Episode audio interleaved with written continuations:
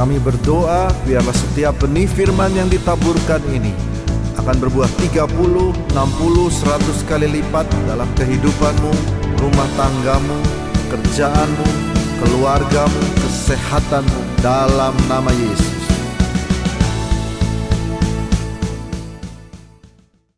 Judul firman Tuhan hari ini adalah Blessed Family dan akan kita bicarakan tentang Blessed Family selama dua bulan ke depan, Juni dan Juli. Kalau kita lihat di dalam Alkitab, maka ada keluarga pertama kita tahu Adam dan Hawa, ya Adam, Hawa, dan mereka adalah keluarga yang uh, agak kurang berhasil karena Hawanya itu makan buah terlarang, sehingga akhirnya Adam dan Hawa diusir keluar daripada Taman Eden. Lalu kita melihat keluarga berikutnya ada Abraham dan Sarah yang juga karena menanti anak akhirnya Abraham Sarah Abraham tidak sabar muncullah Hagar itu keluarga di perjanjian lama. Lalu kita lihat lagi keluarga selanjutnya ada Kain dan Habel. Keluarga pertama juga Kain dan Habel mereka berantem satu sama lain saling membunuh. Lalu kita lihat lagi di perjanjian lama ada keluarga Daud. Keluarga Daud itu ada Absalom anaknya. Absalom ini uh, berontak sama ayahnya. Lalu Absalom ini berusaha untuk memburu ayahnya untuk mengambil tahtanya. Jadi keluarga yang kacau atau chaotic, chaos, chaos. Lalu kita melihat lagi ada Yakub dan Esau juga merupakan satu keluarga mereka berantem dan rebutan akan hak kesulungan. Di sini kita melihat bahwa di dalam perjanjian lama begitu banyak keluarga dan satu hal yang kita mau pelajari di sini dan mari kita semua mengerti hal ini bahwa tidak ada keluarga yang sempurna. There is no perfect family. Jadi kalau saudara berkata, wah keluarga saya kurang, keluarga saya begini. Saya mau kasih tahu Alkitab juga mengajarkan there is no perfect family. Ya. Nah, kata keluarga di dalam Alkitab khususnya itu tadi kita belajar tentang perjanjian lama. Nah, sekarang masuk ke perjanjian baru.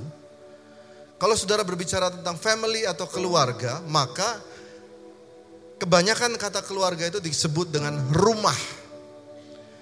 Yosua berkata, "Aku dan seisi rumahku akan memilih mengikuti dan beribadah kepada Tuhan." Lalu Yesus berkata, kita lihat di sini Yesus berkata, rumah yang didirikan di atas batu yang kuat kalau kena gelombang tidak akan dia akan kuat bertahan, sedangkan rumah yang berdiri di atas pasir dia tidak akan bertahan. Jadi kata rumah itu juga artinya keluarga. Nah, kita lihat di sini jadi ada keluarga yang berdiri di atas batu yang kuat dan keluarga juga yang di atas pasir. Jadi kita melihat ternyata ada dua jenis keluarga, yang satu di atas dasar yang kuat, yakni batu yang kuat, dan juga rumah atau keluarga yang di atas pasir, yang tidak kuat saat badai itu datang. Nah apa artinya rock atau batu yang kuat? Kata batu itu selalu diartikan dengan firman Tuhan, Tuhan Yesus itu sendiri. Nah hari ini kita akan belajar beberapa poin tentang keluarga yang kuat.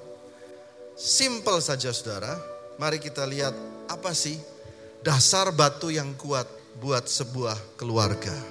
Mari kita baca bersama-sama. Efesus 5 ayat 22 dan 23 kita baca dengan kuat. Hai istri, tunduklah kepada suamimu seperti kepada Tuhan. Karena suami adalah kepala istri sama seperti Kristus adalah kepala jemaat. Dialah yang menyelamatkan tubuh. Jadi hari ini gereja mengingatkan kita semua akan tiga prinsip simple ini supaya kita punya rumah semua berdiri di atas batu sehingga waktu badai datang kita tetap bisa bertahan dan melewatinya dengan kemenangan. Yang pertama simple kepada istri-istri tunduklah kepada suamimu seperti kepada Tuhan. Karena suami adalah kepala istri, sama seperti Kristus adalah kepala jemaat. Yang kedua, hai suami, kasihilah istrimu sebagaimana Kristus telah mengasihi jemaat dan telah menyerahkan diri baginya. Yang suami-suami katakan amin. Ya, memang agak lemas ya. Suami-suami ini memang penuh dengan kesedihan. Dikatakan, hai suami kasihilah istrimu sebagaimana Kristus mengasihi jemaat dan telah menyerahkan dirinya baginya. Diri saja diserahkan, berarti uang juga harus diserahkan. Karena itu suami ada singkatan, semua uang adalah milik istri. Beberapa suami meneteskan air mata. Jadi hari ini saya berkata, rahasia sebuah rahasia Suami mengasihi istri seperti mengasihi dirinya sendiri. Seperti Kristus mengasihi jemaatnya. Nah sekarang saya tanya, kalau saudara berdoa kepada Tuhan Yesus. Tuhan, misalnya dokter Ekles Tuhan Yesus, tolong akan perkembangan usaha kami, karyawan kami, misalnya begitu dokter.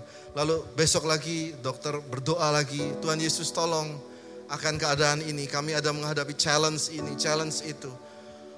Lalu tiba-tiba Yesus berkata, apaan sih? Tiap hari doanya sama, apaan sih lu, apaan sih lu? Nah, Tuhan Yesus tidak akan menjawab seperti itu. Demikian juga suami-suami sering kali juga berkata seperti itu kepada istri berkata, apaan sih nanya-nanya, apaan sih, apaan sih? Apakah Yesus menjawab seperti itu kepada jemaatnya? Tentunya tidak. Amin suami-suami. Beberapa masih meneteskan air mata. Jadi suami-suami hari ini bagaimana kita kuat di dalam keluarga. Kasihi istri kita sebagaimana kita mengasihi diri kita sendiri. Seperti Kristus mengasihi jemaatnya. Katakan amin. Yang berikutnya adalah anak-anak. Taatilah orang tuamu di dalam Tuhan.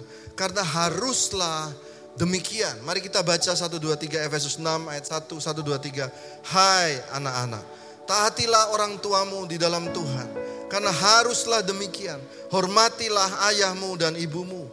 Ini adalah suatu perintah yang penting seperti yang nyata dari janji ini. Tiga prinsip ini, hai istri tunduk pada suami, suami sayangi istri. Yang ketiga, hai anak-anak. Buat saudara semua yang sudah berumah tangga, punya orang tua, firman Tuhan masih berlaku buat kita. Hai anak-anak, taati orang tuamu di dalam Tuhan, karena haruslah demikian hormatilah ayahmu dan ibumu. Sekali lagi saya ulangi, hormatilah ayahmu dan ibumu. Tahukah saudara, banyak orang berkata, Pak firman ini sudah boring pak. Firman ini ini lagi, ini lagi. Istri, suami, anak. Saya mau sesuatu yang spektakuler. Saya mau sesuatu yang membelah-belah laut. Saya mau kasih tahu saudara sesuatu yang boring itu, yang membosankan seperti ini, itu kadang baik loh buat kita. Supaya saudara diingatkan terus menerus. Saya mau saya mau kasih, saya tanya kepada dokter Ekles. Dokter Ekles rahasianya apa? Badannya kok fit. Dan dokter ini berkata, very simple. Pak Albert, lari setiap pagi, satu jam. Aduh dokter, boring dokter. Satu jam.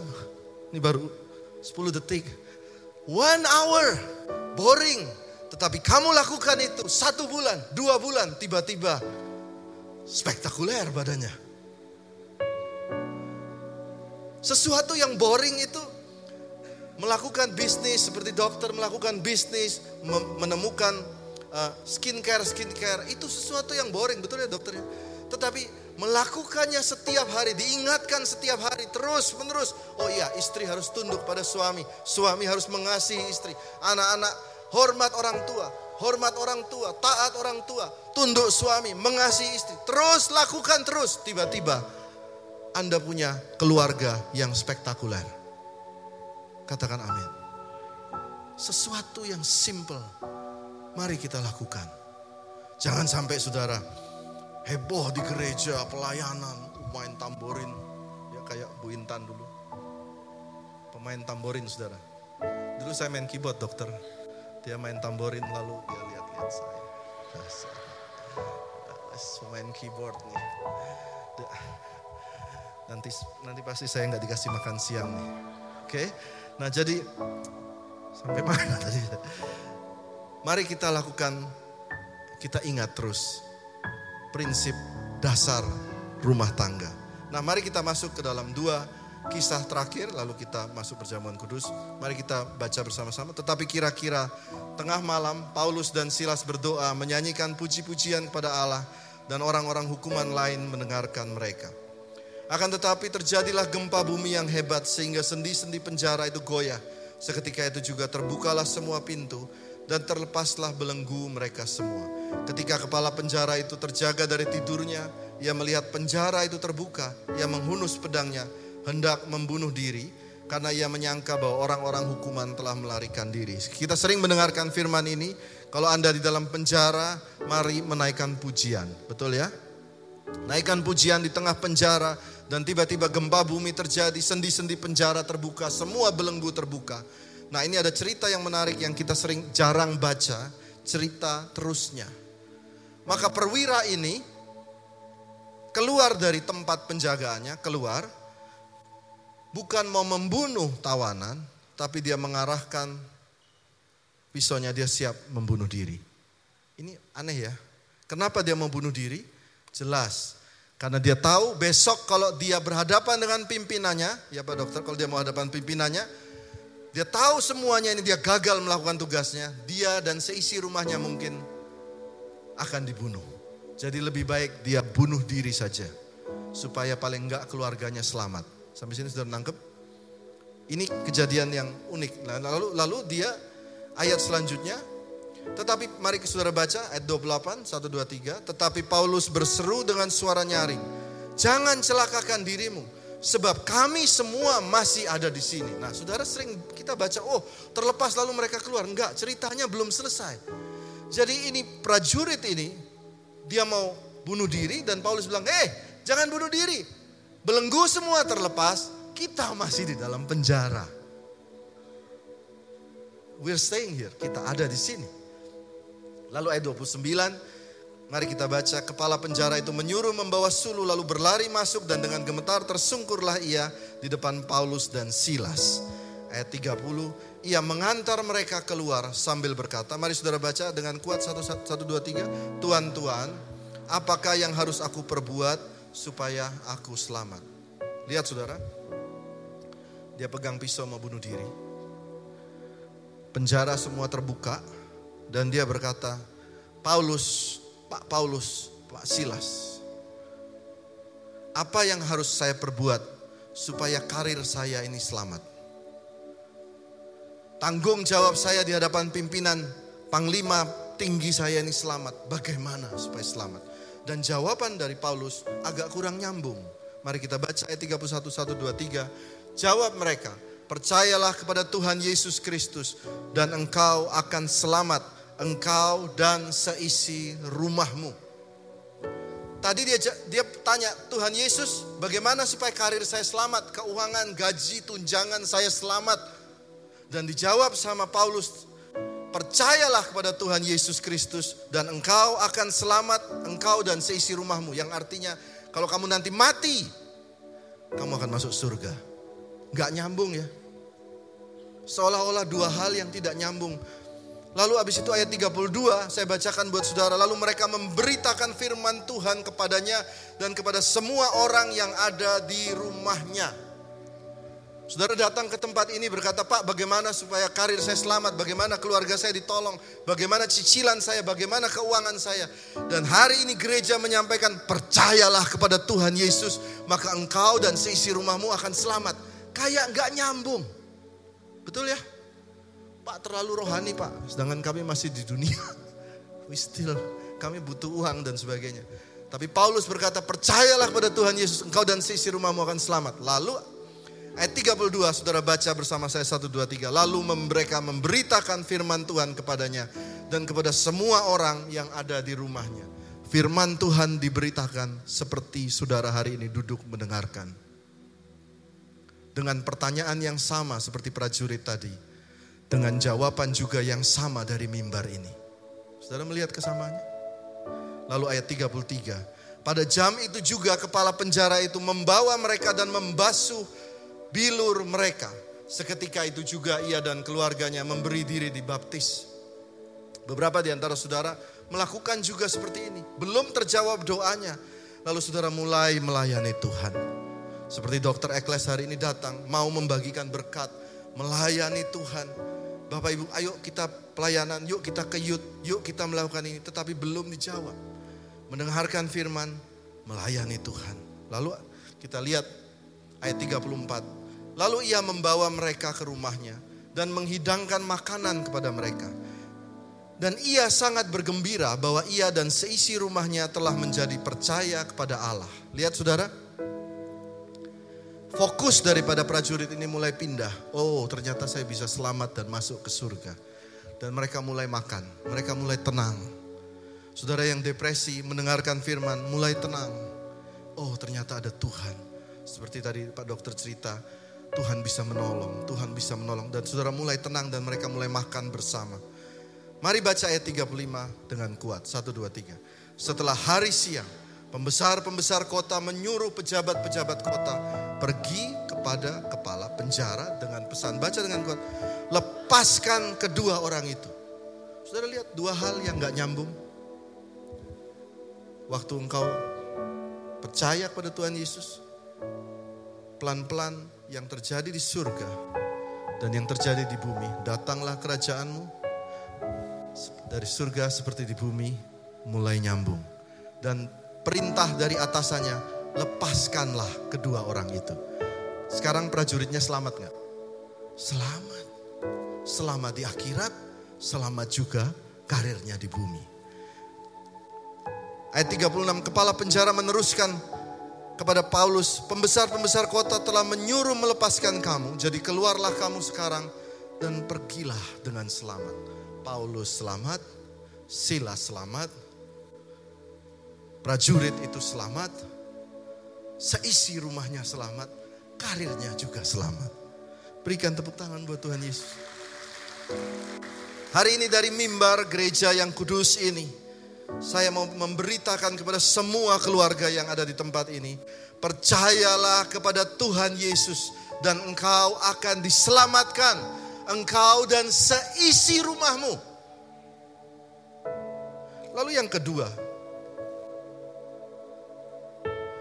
Lalu kepala penjara itu membawa mereka ke rumah dan makan bersama mereka. Dan waktu mereka makan, mereka dipenuhi dengan sukacita karena percaya kepada Tuhan mereka, uh, kepala penjara dan seluruh isi rumahnya. Apa yang harus kita lakukan setelah percaya kepada Tuhan? Dalam rumah keluarga harus makan bersama, berdoa bersama. Katakan amin. Ini dasar yang kuat. Seringkali tidak hanya di rumah saudara, mungkin di rumah saya saya merasa sekarang itu banyak GoFood, banyak Gojek, banyak apps, betul ya Bapak Ibu? Kalau makan, anak bisa pesen makan sendiri, bapaknya pesen makan sendiri, ibunya pesen makan sendiri. Tapi Alkitab mengajarkan kita makan bersama di meja makan bersama, berdoa bersama bapak, ibu, anak. Jangan kayak kongguan, bapaknya nggak ada.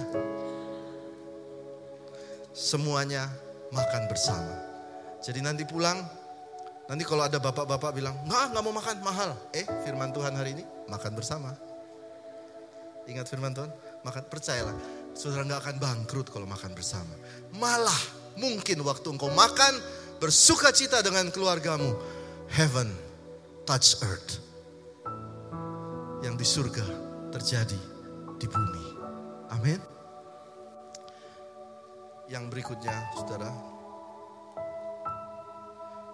Pak, bagaimana dengan saya? Saya single parent. Pak, saya tidak punya orang tua. Ini semua keluarga kita di dalam Tuhan. Amin. Gereja ini keluarga kita. Di mana engkau ditempatkan, itu adalah keluarga kita. Nah mari kita belajar Nehemia 4 ayat 14. Kisah tentang Nehemia. Seorang biasa, ya, seorang karyawan kerajaan biasa, orang Yahudi dalam Nehemia. Dia mau membangun tembok yang sudah runtuh bertahun-tahun. Tembok bait Allah, tembok gereja yang sudah runtuh selama 70 tahun. Lalu dia berkata begini, Kuamati semuanya lalu bangun berdiri berkata kepada pemuka dan para penguasa dan pada orang-orang yang lain. Temboknya itu besar saudara. Dengan keuangan yang sangat terbatas dia mau bangun. Dan dia berkata mari saudara baca bersama-sama dengan saya. Jangan kamu takut terhadap mereka. Ingatlah kepada Tuhan yang maha besar dan dahsyat. Dan berperanglah untuk saudara-saudaramu. Untuk anak-anak lelaki dan anak-anak perempuanmu. Untuk istrimu dan rumahmu. Lihat saudara baik-baik di sini. Yang tadi saya bilang pertama? Percayalah kepada Tuhan Yesus dan seisi rumah selamat. Yang kedua, makan dan doa bersama. Yang ketiga, berperanglah untuk saudara-saudaramu, anak-anak lelaki, anak-anak perempuanmu, istri dan rumahmu. Artinya apa? Jangan berhenti berjuang buat keluarga kita. Waktu engkau berjuang buat keluarga kita, entah saudara bilang, Pak saya nggak punya keluarga, mungkin buat gerejamu, mungkin buat kantormu yang kau sudah anggap keluarga. Berjuanglah untuk semua ini. Dan waktu engkau berjuang untuk semua ini dan engkau menghadapi challenge seperti tadi Pak Dokter cerita. Firman Tuhan mari baca sama Bapak Ibu. Jangan kamu takut. Mari taruh tangan dada kata jangan kamu takut. Yang kedua, tapi Pak saya takut. Ditulis di bawahnya, ingatlah akan Tuhan. Taruh tangan lagi di dada saudara dan kata, ingatlah akan Tuhan. Ingat Tuhan yang bagaimana? Ingat Tuhan yang maha besar dan dahsyat. Hari ini kita mendengar cerita orang yang dari Tomohon berdoa. Papa mama seorang pelayan Tuhan, betul ya Pak Dokter ya? Papa mamanya seorang pelayan Tuhan. Dibawa ke Jakarta, Tuhan angkat demikian tinggi. Hari ini buat saudara semua ingat, Ternyata ada Tuhan yang maha besar dan maha dahsyat yang mengiringi kita dalam perjuangan bersama keluarga kita. Amin. Siapa di antara saudara yang sedang berdoa buat keluarganya boleh angkat tangan. Oh Lord, bless my house, bless my family. I need your blessings. Yang berdoa buat rumahku Tuhan, rumahku, lawat rumahku, orang tua, keluarga, Anak-anak kami saudara boleh angkat. Tuhan berkati setiap tangan yang mengangkat untuk rumah mereka. Biarlah semuanya kuat. Seperti rumah yang berdiri di atas batu yang kuat. Sehingga mereka akan mengalami berkat Tuhan berlimpah-limpah. Pertolongan Tuhan berlimpah-limpah. Tetapi pada saat mereka alami badai juga Tuhan. Hamba berdoa semua mengangkat tangan dan berdiri dengan teguh. Mereka semua akan selamat dalam nama Yesus. Selamat dalam nama Yesus. Terima kasih Tuhan, terima kasih untuk berkatmu. Terima kasih untuk berkatmu. Sebentar kami akan pulang dengan sukacita, kami akan menerima berkat dari Tuhan. Tuhan memberkati engkau dan melindungi engkau. Tuhan menyinari engkau dengan wajahnya dan memberi engkau kasih karunia. Tuhan menghadapkan wajahnya kepadamu dan memberi engkau damai sejahtera. Semua yang diberkati sama-sama katakan amin. Berikan tepuk tangan buat Tuhan Yesus.